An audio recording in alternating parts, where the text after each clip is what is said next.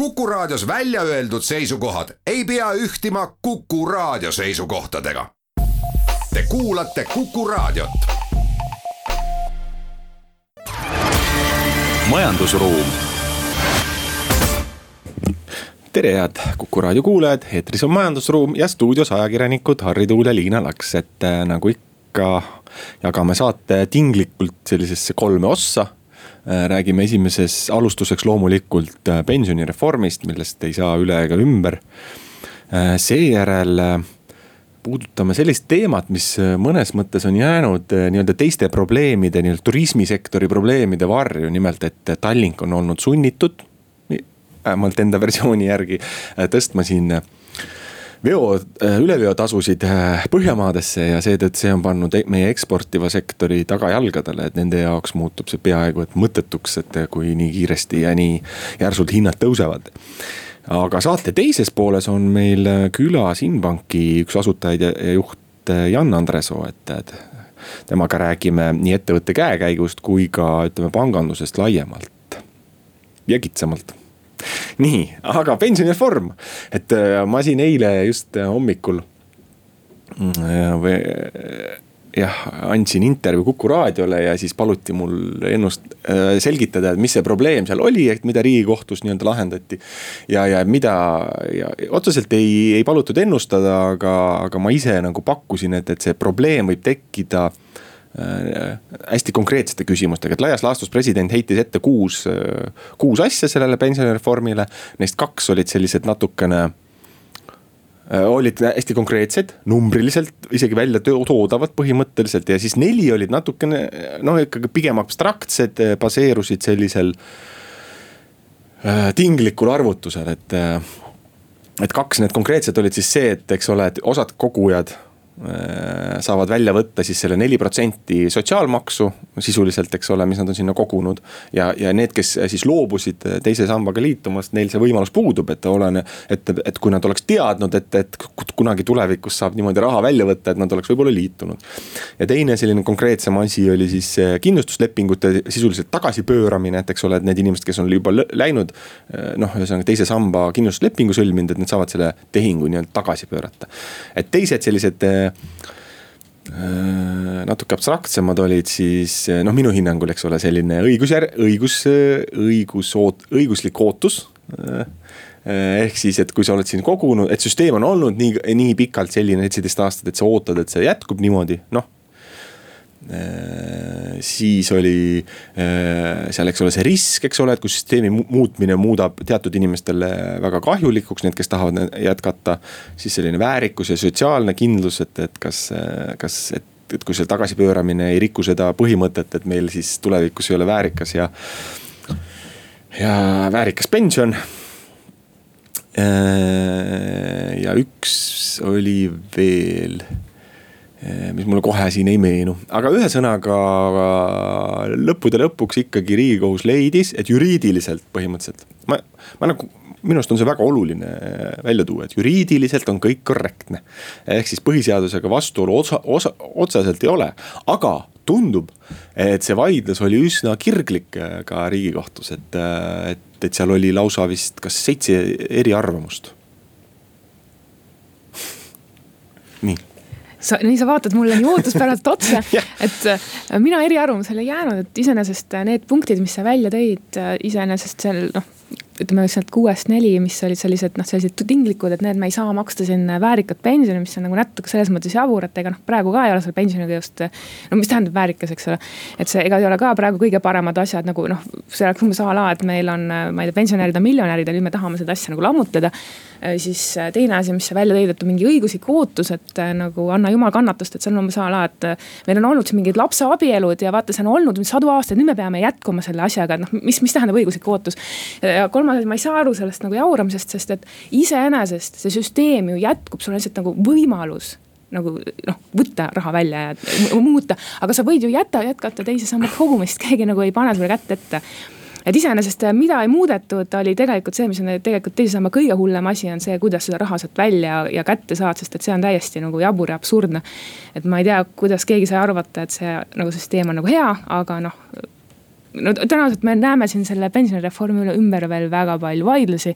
ja detailid pannakse paika, näiteks ma väga ootan, kuidas näiteks hakkab olema see asi, et, et sa saad nagu nii-öelda koguda jutumärkides oma investeerimiskontole mingeid protsente, vaata millest on räägitud, et. et iseenesest noh, siin on seda võimalust tutvustatud, aga kuidas see nagu praktikas hakkab välja nägema, vaat ei tea vaata. see on jah üsna keeruline, et noh, mõnes mõttes on ka see, et ta vabatahtlik on, on niimoodi, ütleme pooltõde mõnes mõttes just selles tähenduses, et ka noortele nii-öelda alguses on automaatselt sind ikkagi liidetakse äh, teise sambaga ja sa pead sealt nii-öelda välja astuma, et ei ole niimoodi, et, et sa enne saad otsustada, et kas sa liit-, noh.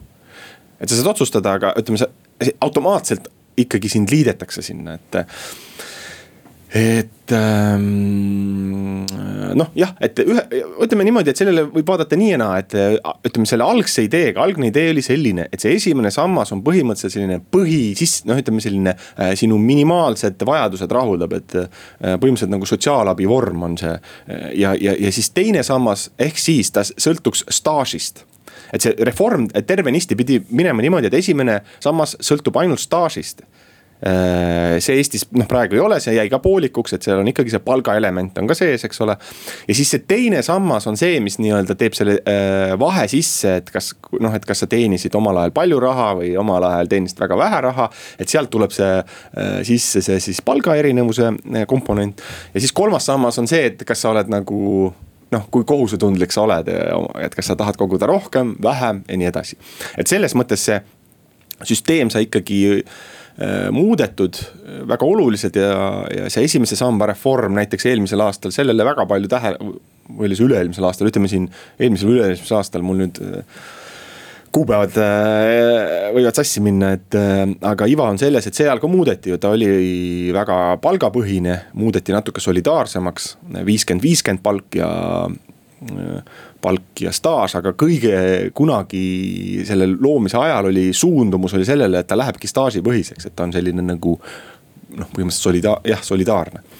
et selles mõttes süsteem ikkagi oluliselt on teistsugune, kui ta alguses mõeldi, aga samas ta ei ole ka selline, nagu oli siin Isamaa soov, Helir-Valdor Seederi soov mõned aastad tagasi, kus ta ikkagi väga selgesõnaliselt ja väga selgemõtteliselt eh, ikkagi tahtis teise samba üldse ära kaotada, et, et seda ei ole kaotatud, ta on lihtsalt eh, teistsugune, et selles mõttes. Eh, nende läbirääkimiste või arutelude käigus sündis ikkagi mingisugune kompromiss ja. ja kõik ju need inimesed, kes usuvad, et teine sammas on väga hea ja saavadki seal äh, jätkata seda kogumist ja, ja ma usun, et äh, ka äh, selline konkurents võiks tekkida, kuigi see konkurents tekkis juba natukene ka varem, et see öelda, et, et ei ole seal konkurentsi, on ka vale, et tegelikult just Eesti inimesed, mitte poliitikud. mitte mingisugused riigikogu või valitsuse liikmed, vaid just Eesti inimesed panid seljad kokku ja lõid näiteks ühistupõhiseid noh, vähemalt üks näide on meil olemas, aga võib-olla neid tuleb veel, miks mitte. Lõid ühistupõhiseid ju teise samba fonde ja viisid tänu sellele tegelikult, see oli väga murranguline sündmus. ja, ja, ja ma arvan, et eh, võib-olla mõnede poolt ka alahinnatud, et see ju viis need tehingutasud või mitte tehingutasud, vaid need fonditasud ikkagi oluliselt alla, enne kui poliitikud äh, ka hakkasid seal mingisuguseid seadusi ja asju muutma, et olid juba hinnad alla tulnud, et. teeme natuke väikse pausi, jätkame vist ilmselt samal teemal. majandusruum jätkame saatega, stuudios ajakirjanikud Harri Tuule, Liina Laks ja räägime pensionireformist. no Liina, mis siis proovime veel enne kui järgmise teema juurde minna, lühidalt kokku võtta. mis siis muutub ja mis me siis, mis siis inimene nüüd teha saab esimesest jaanuarist, eks? see on, millal see meil jõustubki ja see pluss on mingid lisasätted ja mingid asjad veel. ja vaata, osad süsteemidki ei ole valmis, et nii raske on öelda, aga põhimõtteliselt, äh, mis nüüd öeldi, et on kolm asja, mis tuleb, et esiteks teine sammas on vabatahtlik. teine asi on see, et sa saad äh, sealt äh, välja võtta raha kui tahad, mitte muidu oli niimoodi, et noh, pensioniiga ja kõik sellega oli seotud. ja mis seal oli veel, et seal mingid asjad, nii nüüd aita mind selle kolmandaga. Oli ka mingi väga-väga tähtis ja see tuleb sa saad meelde. taasliit-, no sa saad taasliituda no äh, seda. pead tulumaksu ära maksma. noh, see on igal pool. ja no üks muudatus puudutab võib-olla kolmandat sammast, mis on nagu kah, mis on natuke varju jäänud, on see, et. et ka iga hakkab liikuma muuseas mõlemas sambas, nii teises kui kolmandas, et koos selle eluea ootusega, et nagu esimeses sambas, et, et need, kes jõuavad siis vist enne esimest jaanuari kui ma nüüd ei eksi, veel kolmanda sambaga liituda, siis nemad saavad selle raha võtta välja viiekümne viie aastaselt, see on hästi fikseeritud iga. aga edaspidi ta hakkab ujuma, ehk siis kasvama, et, et noh et kes, kes üldse plaanib või arutleb seda, iseenesest võib sinna ka ühe euro panna ja, ja on ära liitutud, et, et siis et edaspidi siis otsustada, et kui palju sinna raha koguda, et, et sealt saab ka tulumaksusoodustust, et. sest et kolmanda sambaga on nagu see hea asi, mida tihti ei teata, on ju see, et kui sa paned sinna kuus tuhat eurot aastas või äh, viisteist protsenti oma siis palgast. siis selle pealt siis saad kohe seal kevadel selle kakskümmend protsenti tulumaksusoodustuse tagasi. selle saad ju reinvesteerida kohe. ja siis noh, põhimõtteliselt sul on nagu, nagu garanteeritud kakskümmend protsenti selle summa pealt. aga siis äh, seal on nagu see väike nüanss, et kui sa võtad siis enne, tähendab, sa võid iga kell välja võtta, erinevalt teisest sambast. kui sa võtad enne välja, kui sa oled viiskümmend viis, siis pead maksma riigile selle kakskümmend protsenti tagasi. kui sa noh, nagu nii-öelda vanuigi välja võtad, siis pead maksma ainult kümme, nii et. ei, ja kui sa teed lepingu, fondilepingu, siis ei pea. jah, siis ei pea aga jah, et sul on veel võimalus pärast siis viitekümmet viit võtta küm-, ainult kümme protsenti, et põhimõtteliselt ikkagi see kümme protsenti no igal juhul oled võidus, et. ühesõnaga, sa saad, sa saad protsendi. aga igaüks otsustab ise, kas ta sellega liitub äh, või aga mitte. oluline on teada, see, miks mul on nagu väga raske on siin emotsiooni üles kütta, on lihtsalt see, et. vaata, ma ei usu, et see nüüd on nagu esimene ja viimane muudatus, mis selle pensionisüsteemiga, mida me näeme. et ma jõuan neid ära näha veel palju-palju, et iseenesest on nagu noh peab hoidma mune kuskil erinevates korvides, et sul on alati hea, et sul kuskil mingi fond tiksub, et kui ise ei viitsi osta sealt indeksit, siis noh, paned teise. näiteks mingi teisesse sambasse ja sul ostetakse ise seda indeksit, aga noh, tähtis, et see nüüd nagu see läheb vabamaks, sest et sellisel kujul, nagu see hetkel see pension välja nägi, see oli ikkagi päris nagu, nagu perversne mõnes mõttes see teise samba asi on isegi äh,, muutub äh, minu arust ahvatlevamaks, et ma enda jaoks olen mõelnud nii, et, et äh, et kas võtta nüüd kohe välja, aga mitte kohe ja miks on see, et ma saan nagu riigile makstavad maksud saan iseenda noh, põhimõtteliselt kontole kanda ju. et see, see, see tõlgendus, mille ma olen teinud ka varem et see neli protsenti, eks ole, sotsiaalmaksust, mis kantakse teisesse sambasse. et see veel selles mõttes võimendub, et ma ei pea ootama enam pensionini, et see neli protsenti välja võtta. vaid ma saan selle ka varem välja võtta, kui ma seda soovin. et selles suhtes, et minu suurem osa minu palgast läheb minu enda nii-öelda samba kogumiseks, mille ma saan võtta välja sisuliselt pärast reformi jõustumist täpselt siis, kui ma tahan. tõsi, ma pean maksma sealt tulumaksu ära, aga noh Äh, versus sotsiaalmaks, eks ole, noh, siin on nagu võit ja võit, eks ole. noh, lihtsalt selline kah, äh, selline mõttekäik, mis võib-olla ei ole väga, väga palju kajastust siin leidnud, et. ja, et see on hästi huvitav, et kogu aeg on räägitud, et riik paneb äh, siis neli protsenti ja vaata, kus riik ikka aitab ja teeb, aga tegelikult see ei ole mingi riigi neli protsenti, see on sinu palga neli protsenti. oleneb, kelle, kui sa töötad riigi jaoks, siis muidugi ka öelda, riik paneb, aga. aga, aga ütleme erasektori töötajateks, eks ole, et me võime vaielda, et kas paneb see tööandja või tööd, noh, tööt-, noh, tööandja arvestab lihtsalt, noh, tegelikult tööandja arvestab selle lihtsalt töötaja kuludesse niikuinii. et eh, tema, tema, tema jaoks on see töötaja, töö, töötaja kulu nii või naa. eks selles mõttes võib julgelt eh, lugeda seda ka enda rahaks, mida mida ma alati soovitan, sest siis on nii-öelda nahk, oma nahk on mängus, siis saad natuke paremini aru, et et mis selle hind on, et aga mis ma veel võib-olla positiivsena mulle tundub ja mingisugused vihjed on ka olnud, et võib-olla tulevad mingid huvitavad pensionifondi lahendused välja hoopis pärast seda reformi, et. eks palju segadust tuleb ka veel, aga aga lihtsalt tulebki võib-olla rahulikult, mitte kiirustada nende asjadega ja vaadata, mis hakkab toimuma, et et jah, ainuke asi oli siis see, mis sa ütlesid, et kolmas sammas ja nüüd see jaanuaris kukub see tähtaeg, kus. jah, jah, sellega võib-olla kiirustada, aga ma siin juba noh, ütleme nii mõnelegi soovitasin, need, et kes kohe-kohe on jõudmas siin, et, et need, ma loodan, et noh, et te olete nagu oodanud siin viimased aasta-paar, et. et, et, et need muutused ära, et siin saab äh, siis otsustada, kuidas edasi. nii, aga meil on veel natukene aega, et äh, räägiks korra veel sellisest probleemist, mis mõnes mõttes on jäänud nagu nende Tallinki äh, teiste probleemide varju, et ütleme turismisektori varju, et, et me oleme hästi palju rääkinud sellest, et turism meil siin ägab. eks ole, nii ma ütlen lennuliinid, laevaliinid, majutusasutused, söögiasutused ja nii edasi. aga see Tallinki nii-öelda olulisus võib-olla tulebki välja hoopis äh, teisest kohast ehk siis see, mida noh, ütleme tavainimene võib-olla igapäevaselt ei märka. ehk siis, et ei, mitte ainult reisijaid ei veeta Tallinki laevadega, vaid veetakse ju ka äh, kaupu no kaupa veetakse ja siis äh, siin oligi ju tegelikult on juba nädalaid räägitud sellest, et need, kellel on vaja siis kaupa siin lähiriikidesse laevaga transportida, siis avastasid, et Tallink on päris kõvasti siis hinda. vist kusagil viiskümmend äh, protsenti jah, see oli ikka päris pöörane, et sa ikka vaatasid ja mis nagu tegi muidugi äh, püha viha rahvale oli see ju, et. Tallink on siin saanud ikka päris, päris kõvasti riigilt abi, et siis ongi niimoodi, et ühe käega noh, maksumaksja vaata toetab ja teisega ta siis nagu koorib ka, et et see oli nagu kuidagi ja ma ei ole nagu head põhjendust näinud nagu Tallinki poolt, no peale seda, et no neil on raha vaja, eks ole, aga selles suhtes, et. nojah, ongi, et ega see, et nad on saanud seda, eks ole, laenu või nad on saanud äh, abi.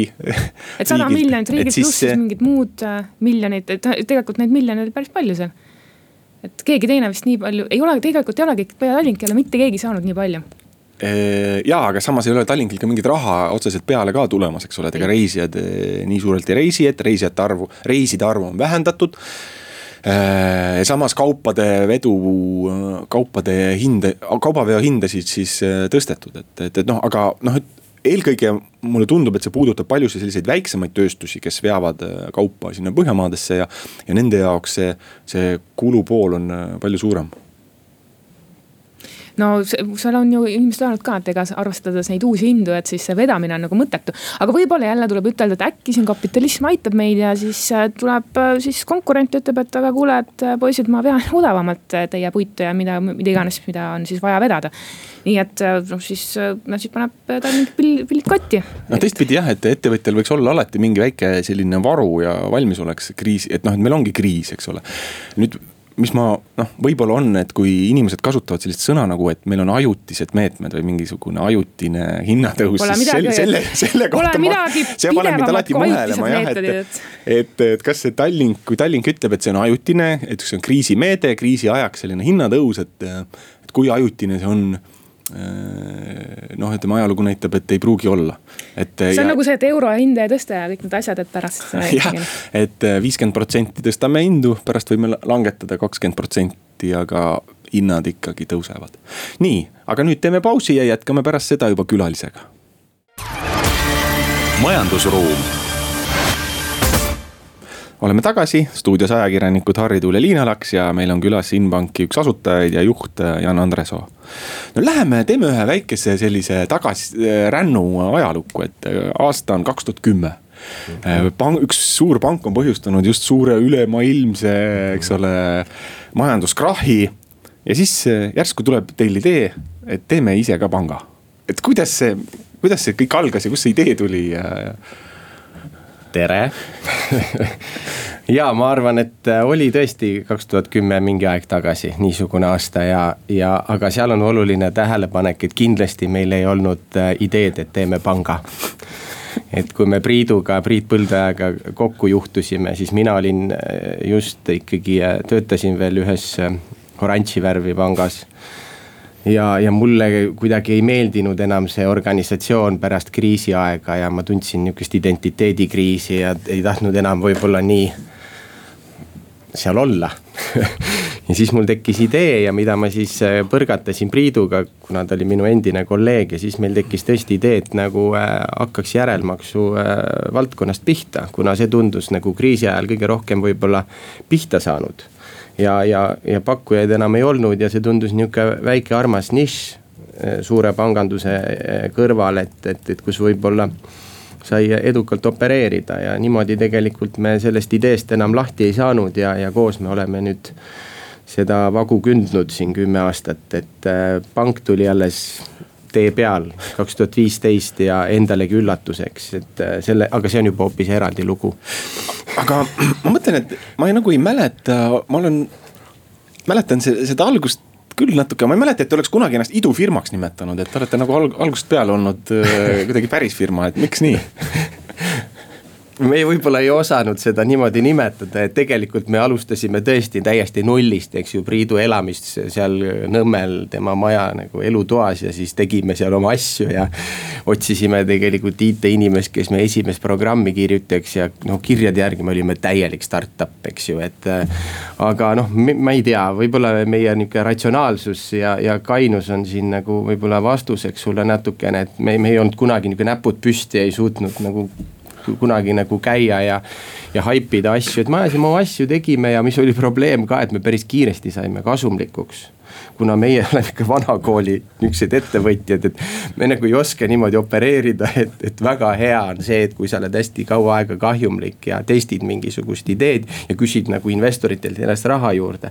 et me ikkagi ajasime oma asja, tegime nagu loogiliselt, üritasime nagu pakkuda teenust, mille eest nagu erinevad kaupmehed on nõus nagu maksma ja väärtustavad ja. ja, ja sealt juba tekkis see probleem, üks investor ütles ka, et teiega on see jama, et te olete kasumlikud, eks ju, et, et siis, siis on jube keeruline nagu tegelikult nagu head valuation'id saada, et inimesed hakkavad nagu oskavad korrutustehteid teha siis kohe, et kahjumiga on palju lihtsam, on ju, siis sa saad luua nagu imelise nagu tulevikuvisiooni ja, ja võib-olla need korrutustehted on juba nagu sekundaarsed. et võib-olla seal on mingi, mingi lugu. ja ma mõtlengi, et, et, et ka mitte ainult ütleme siis, ütleme siis no, finantsiliselt, eks ole, aga ma mõtlen, et ütleme, see järelmaksu pakkumise variant, et te noh, tahtsite ka ju nii-öelda turgu raputada ja, ja, ja tuua nagu mingit uut teenust, et nagu, nagu idufirmad tavaliselt teevad, et nii-öelda. Disruption on vist inglise keeles see sõna, et ja, ja me disrupt isimegi tõenäoliselt seda turgu päris edukalt, sellepärast et paar aastat hiljem, eks ju, Swedbank, kes sellel ajal oli kõige suurem selle teenusepakkuja, lahkus sellelt turult. et, et disrupt isimegi selle konkreetselt nagu ära ja, ja, ja tegimegi väga palju innovaatilisi käike, eks ju, aga tihti ongi. noh, järelmakse lepime kokku, ei ole tootena midagi väga uut, noh, mina mäletan, et minu ema juba siis, kui ma väike poiss olin mööblimajast, võttis järelmaksu kuhugi vihikusse. ja, ja, ja et, et seetõttu, aga me tegime selle toote nagu ise oluliselt paremaks, me tegime toote oluliselt mugavamaks ja kliendile nagu paremini nagu tarbitavamaks ja kaupmehele mugavamini pakutavamaks. ja tihti ongi, et innovatsioon ei ole nagu mingi uue asja tegemine, vaid mingi asja, mis on päris hea ja oma ajas ennast tõestanud, tegelikult selle oluliselt paremaks tegemine. ja me hakkasime sealt pihta tegelikult, aga tõesti tõesti me tegime automaatsed otsustamised, automaatsed lepingu sõlmimised nagu ja kõik. seal on veel palju nüansse, kus me tõenäoliselt tegimegi korralikku innovatsiooni no teil peakontor nii-öelda on endiselt Tallinnas, aga mm -hmm. turu mõttes, kus teil tegelikult nii-öelda peamised kliendid on? no praegu on niimoodi, et, et jah, peakontor on äh, Tallinnas äh, startup'ile kohaselt Kalamajas. Et äh, mitte pilvelõhkujas kuskil siin ümber aga klientide poole pealt on ikkagi niimoodi, et Eesti on äh, endiselt ka päris tubli aga ütleme jah, et Poola kasvab praegu meeletu kiirusega ja tegelikult ta juba praegu on kõige kiiremini kasvav ja kõige rohkem nagu müüki tegev turg. klientide poole pealt äh, on kõige rohkem kliente täna Leedus. Ja, ja, ja siis on Eesti ja siis on Poola, et noh, et tõesti, ega meil kliente on ju hirm, hirm, hirm päris palju. et meil on nagu kuskil kuussada tuhat klienti, et, et seda tegelikult on äh, päris korralik number. aga no meil juba põgusalt siin puudutasime seda, et eks ole, alustasite järelmaksuga, mingi hetk oli nagu vaja pangaks saada, et äh, kus, kas see, miks äh,? Väga lihtsal põhjusel, et äh, kui sa oled ütleme siis nihuke fintech või oled nihuke startup, siis, äh, siis järelmaksuettevõttel on raha nagu bensiinijaamale bensiin. et see on kaup, mida me ju tegelikult nagu edasi pakume. ja Eesti turg äh, oma suhtelises nihukeses kontsentreerituses või finantsturg ennekõike, räägime siis pangandusturust, on ju. sisuliselt äh, ütles, et nad ei ole nõus meid finantseerima nad ei ole nõus meile andma tegelikult äh, raha, mida siis meie saaksime oma teenuse pakkumiseks kasutada ja me olime sisuliselt vastu seina. et me pidime seda tegema, kindlasti ei oleks me seda teinud äh, sellel ajal sellepärast me olime ikkagi mini-mini ettevõte veel pangaks saamise mõistes ja, ja, ja pangaks saamine ei ole just mingi eriti keeruline, tähendab eriti lihtne protsess, eks ju, et ta on päris keeruline ja, ja, ja väga-väga raske. ja, ja ainuke põhjus ongi meil pank ole, pangaks olemiseks see, et äh, see litsents on andnud meile õiguse ja võimaluse, eks ju, võtta avalikkuselt hoiuseid. ehk siis finantseerida seda tegevust, et, et see on ainuke põhjus et tegelikult teised pangad sünnitasid siis meid, et nad äh, mitte andes meile tegelikult äh, finantseerimist ja laenu. lõid nad olukorra, kus me pidime seda tegema, me pidime seda, mitte et see ei olnud nagu kuidagi jube lahe, et oh võtsime kamba kokku, mõtlesime, et hakkaks pankuriteks. me pidime seda tegema, et oma kaupmeestele ja oma klientidele pakkuda seda teenust, milleks me tegelikult äh, milleks me ellu ennast. kas see on selline Eesti eripära, et on nagu keeruline raha saada või no, see oli, või see oli kuidagi ajaga või teie lihtsalt arengustaadiumiga või? no ma ei tea, tõenäoliselt ei ole võib-olla isegi Eesti eripära, et tegelikult ei olnud seda laenu võimalik võib-olla saada ka teistest äh, lähiriikidest, aga. aga Eesti kindlasti äh, on selles osas, ma arvan äh, jäikuse eesrinnas. et noh, et nad, et tegelikult Eesti pangandus oma kontsentreerituses ja, ja ka väga noh, dominantselt noh, võib-olla väliskapitali poolt omatud, neil ei ole väga suurt motivatsiooni. noh, finantseerida niisuguseid ettevõtteid, nagu meie olime või oleme. kuna nad, seal on ka üks nihuke huvitav teine nagu aspekt, eks ju, on see, et nad ju natukene pidasid meid ka konkurentideks et me ju pakkusime ka analoogseid teenuseid, mida nemadki ja seal on ka väga lihtne tegelikult võib-olla leida põhjust, miks. aga noh, seal oli kindlasti oli ka majanduskriisil ja, ja finantskriisil oma, oma roll ja, ja nende ja üldse see kaks tuhat kaheksa kuni kümme, eks ju, see kriis kindlasti korralikult raputas nõndanimetatud pankade riskiisu ja nad ikkagi muutusid mitu-mitu-mitu korda konservatiivsemaks ja jäigemaks ja, ja me olime kindlasti selle jäikuse ohvrid. aga kuidagi see edasine areng on ka noh, ma ei tea, kõrvalvaatajana mulle tundub ka selline nagu panga poole liikumine, ma mõtlen, tulite nüüd kaartidega välja ja. kas see on teadlik olnud või see on ka nagu mingi osa sellisest loogilisest arengust?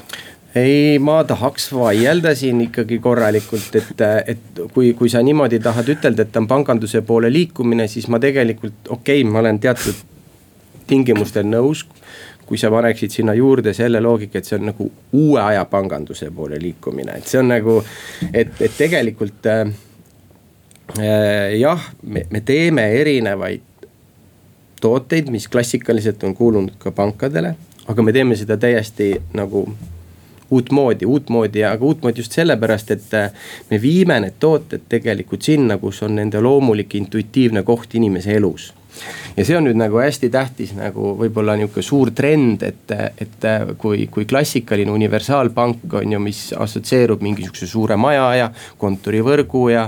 seal on nagu klienditeenindajad, tellerid ja laenu, et, et siis, siis ma lähen sinna, siis ma küsin laenu ja küsin seda ja teist ja kolmandat, siis nad nagu annavad mulle seda ja seal on mu konto. siis võib-olla see tehnoloogiaga arenguga, eks ju, siis kõige suurem trend, mis täna ongi see, et pangandus liigub äh, pangandusest välja sellepärast, et ükski pangatoode ise ei ole ju nagu päris toode. et kui sa mõtled, eks ju, et autoliising ei ole ju päris toode, vaid auto on tegelik toode, et inimene tahab ju autot, ta ei taha nagu autoliisingut. või ta ei, ta ei taha, eks ju äh, arvutit, tähendab, ta ei taha arvuti mingi järelmaksu, vaid ta tahab arvutit või ta ei taha, eks ju ju kodulaenu, vaid ta tahab endale uut kodu.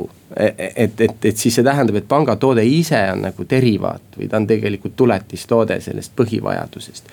ja see uue aja pangandus tegelikult tähendabki seda, et tehnoloogia areng võimaldab selle toote nagu viia nagu sinna, kus see põhivajadus ennast, ennast ilmutab ja seda me tegelikult olemegi teinud, noh minnes kõigepealt, eks ju, kaupmeeste juurde ja öeldes, et noh, et. et sa ei pea helistama nagu otsustuskeskusesse, et küsida, et kas see konkreetne inimene nagu võib järelmaksulepingu sõlmida. vaid me lasime tehnoloogial selle probleemi ära lahendada automaatselt ja koheselt ja sama on nüüd teiste asjadega, me läksime auto kahtekümne nelja, kui inimene tahab autot osta, saab kõik seal ära teha. ja see kaart, eks ju, või mis tegelikult on äpp või kaart, vahet ei ole nagu, kuidas seda panna. Siis me viisime tagasi, eks ju, kaart on mõeldud ennekõike ostlemiseks. noh, tal ei ole nagu muud rolli, et ta on tegelikult ikkagi vahend äh, nagu ostlemiseks ja meie nagu idee oligi, et viime ta siis tegelikult nagu võimalikult lähedale ja lo loome need seosed. ja anname tegelikult sisu sellele, et miks seda kaarti kasutada. ehk siis äh, jällegi, eks ju, et, et see kaart ise ei ole midagi innovaatilist ja äpp ise ei ole midagi innovaatilist, on see küsimus, et miks ma peaks seda kasutama, vot seal tegelikult peitub see võti. Ja, ja kui me vastame sellele küsimusele hästi kiiresti, hästi loogiliselt, inimene saab aru, et see on mulle kasulik. Mul on asu-, kasulik tegelikult ostelda selle kaardiga, siis me oleme tegelikult oma rolli ideaalselt täitnud. ja teistpidi me oleme kandnud inimestele võib-olla maitse suhu, mida see uus aja, uue aja pangandus tähendab. pangandus muutub nähtamatuks, et teda ei ole nagu vaja mu ellu nihukesel institutsiooni kujul või nihukese nagu pangakontori või pangaametniku või laenuhalduri kujul. vaid ta peab olema sellel hetkel, kui mul teda on vaja. Nendel eluhetkedel, kus see põhitoode ennast ilmutab ma tahan autot osta, siis okei okay,, et üks alternatiiv on see tegelikult teha niimoodi, et ma maksan kuu kaupa. Aga kas pank peab seal olema nagu kahe jalaga nagu kuidagi mul, mul seal niimoodi ennast nagu näitama, et siin ma olen ja. et suhtle minuga ja, ja et see ei ole ju oluline, tehnoloogia aitab tegelikult muuta teda nähtamatumaks. ja see on see, kus meie tegelikult opereerime. teeme väikese pausi. majandusruum jätkame saatega, stuudios ajakirjanikud Harri Tuul ja Liina Laks ja meil on külas Inbanki üks asutajaid ja juht Jan Andres Soo, et miks ma enne rääkisin, jätkame natukene samal teemal, et. miks ma enne rääkisin just, et natuke nagu pangaks muutumise või ütleme panka meenutavaks, et te, te ei ole ju noh, kuidagi ainukesed, et mul meenus nagu näiteks selline et kui teie kasvasite järelmaksust välja, siis on sellise maksete vahendaja Transferwise on ka ju natukene mhm. astunud samme sinnapoole, et noh, et noh, et näiteks oli see konto, et sul saab olla seal konto Transferwise'is, sul on seal kaart saab olla, sul. Nad tulevad mingi investeerimistootega välja, et selline nagu mingisugune nihe on, et kus on selline fintech ja ja, ja siis selline klassik, noh, vana klassikaline pangandus kuskil kohtuvad, aga ilmselt siis uuel moel, ma saan niimoodi aru. ja ma arvan, et õige ja Transferwise kindlasti on äh, hea näide sellest uue aja pangandusest, et ta võttis ühe niši, ühe konkreetse teenuse, tegi ta oluliselt nagu mugavamaks ja paremaks ja kiiremaks, eks ju. ja praegu on äh, paljud pangad äh, ju teevad koostööd Transferwise'iga ja mm -hmm. pakkumaks konkreetselt seda teenust ja võib-olla see noh, minu isegi nägemus võib-olla, ma olen seda enne ka välja öelnud, ongi selline, et tegelikult see panganduse maailm võib-olla polariseerub päris korralikult, et kui ühes nagu otsas mulle isegi võib-olla meeldib niimoodi natuke ilukirjanduslikult liialdada, on ju, aga on siis see, et, et sulle jääbki nihuke puhas kontopangandus. Et noh, analoog, ma ei tea, elektriga, et sul on Elektrilevi ja siis on elektripakettide müüjad. et sul tegelikult inimesel peab olema ligipääs, eks ju, kontole, tal peab olema nagu turvaline, reguleeritud ja see turvatunde pakkujana pank on kindlasti ületamatu ja hästi oluline. Ja teisel pool on sul mingi ülikirev, eks ju, tegelikult nagu erinevate finantsteenuste pakkujaid, kes pakub autoliisingut, kes keskendub sellele, kes pakub krediitkaarte, kes pakub valuutavahetust, kes pakub rahasiiret, kes pakub järelmaksu ja noh, kes pakub investeerimisteenuseid ja lõputult erinevaid variatsioone, seal on nagu hästi möll käib tegelikult nagu. ja siis inimene saab sisuliselt kõiki neid teenuseid tarbida oma turvalises kontopanganduse nagu kantsist, eks ju, praegu on see maksedirektiiv, see tähendab, et sa annad tegelikult nagu maksekäsu siis see kolmas osapool tuleb, võtab väikese osa sinu kontolt ja siis teenindab neid erinevaid teenuseid. ja minu jaoks on see tulevik ennekõike selline, et, et, et, et, et mina kardan väga, et isegi see rahapesu järgne nagu tänane olukord, kus tegelikult pankadel on nagu paanika veits noh, nendel vanadel klassikalistel pankadel, et nad kardavad, nad peavad tegema järelevalvet. Know your customer, kes su vastaspooled on, kõik vaatavad suured nagu suurte silmadega, kas sa ikka nagu teed seda rahapesu asja või mitte, on ju. siis see viib selleni, et tegelikult täna me loeme juba lehtedest iga päev, et inimestel pannakse kontosid kinni, noh. reaalselt, et, et ja, ja see on selle tagajärg ja mina väga pelgan sihukest trendi ja nüüd ongi küsimus, eks ju, et kas, kas nagu ütleme, riik kui majandusruum saab lubada niisugust asja, et, et tegelikult konto, mis minu jaoks on isegi majanduselus opereerimise eeltingimuseks, eks ju, et see kuidagi on -hmm. kellegi meelevallas, kes võib-olla pelgab midagi mm. -hmm ja, ja, ja seetõttu ma kardan, et kui see läheb nagu üle kriitilise piiri, siis seal peab tekkima nagu mingi tasakaalumoment ja tegelikult ütlema seda, et konto peab olema kättesaadav kõigile, kes tahavad sellel territooriumil majanduslikult opereerida mistõttu noh, seal peab olema nagu mingisugune nagu tasakaalu momentum, sest praegune nagu olukord on ka natukene kentsakas. noh, meil on väga palju ka välisinvestoreid, lepime kokku, et ausalt öeldes investeerida Eestisse on praktiliselt nagu noh see on ikka korralik Kolgata tee. Ja võib küsida, et kas keegi siis viitsib seda teed ette võtta, kuna alternatiiv on sul alati olemas, mitte investeerida Eestisse. Mm. kuhugi mujale, eks ju. et aga see teine nagu, see on nagu, nagu lahe, seal on innovatsiooni, seal on tegelikult väga palju erinevaid pakkujaid äh, ja, ja inimesed võivad tõenäoliselt nautida palju suuremad valikud, et nad ei pea ainult kolme suure panga vahel valima. Ja minu meelest on see ääretult stiilne ja, ja ma arvan, et tulevik näitabki seda, et pangandus hakkab vaikselt inimeste elus niimoodi, kuidas öelda, visuaalselt ära kaduma. et nad saavad tegelikult seda intuitiivselt, seamless, et nad hakkavad saama tegelikult niisugust teenust. kus nad võib-olla eriti täpselt ei saagi aru, et see just nüüd pank on, kes seda pakub vot ma olen kogu aeg mõelnud, et nüüd tuleb see uue pangandus ja need fintech'id, aga kumb on siis kasumlikum, et kas see nii-öelda vana panganduse äri äh, või saad rohkem raha rehitseda nii-öelda selle uue variandiga? no ma ei oska sellele nüüd niimoodi vastata, et, et, et noh, täna ikkagi võib öelda, et äh, ju äh, klassikaline universaalpangandus Eestis on olnud väga kasumlik, eks ju, aga noh, lepime kokku, et ta on ka nautinud peaaegu et nihukest väga kontsentreeritud ju oligopoolset staatust, on ju, et kus siis tegelikult ähm, noh.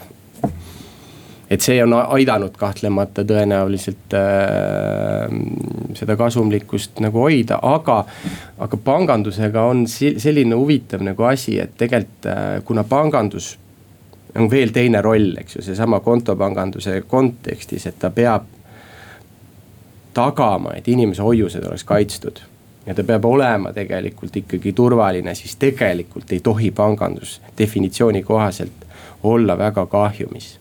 sellepärast, et see on äh, nii regulaatori ehk siis finantsinspektsiooni kui järelevalve vaates väga ohtlik trend, see tähendab, et sa teed nagu niisuguseid valikuid mis äh, nõrgendavad sinu äh, finantsseisu ja lõplikult, eks ju, sinu võimet tagada enda kõige olulisemat rolli, et sinu hoiustajate raha oleks kaitstud. Ehk siis see on nagu natukene selline, et, et panganduse regulatsioonid tegelikult äh, sunnivad tegema mõistlikke ja ratsionaalseid otsuseid, et mitte olema nagu nihukene näpud püsti, okei. Okay ühesõnaga äh, kasum on ettevõttes mõnes mõttes nagu äh, noh headuse tunnus. aga ma tänan, meil oli külas Inbanki asutaja ja juht Diana Andresoo, stuudios olid ajakirjanikud Harri Tuul ja Liina Laks, kohtumiseni majandusruumis järgmisel nädalal. Majandusruum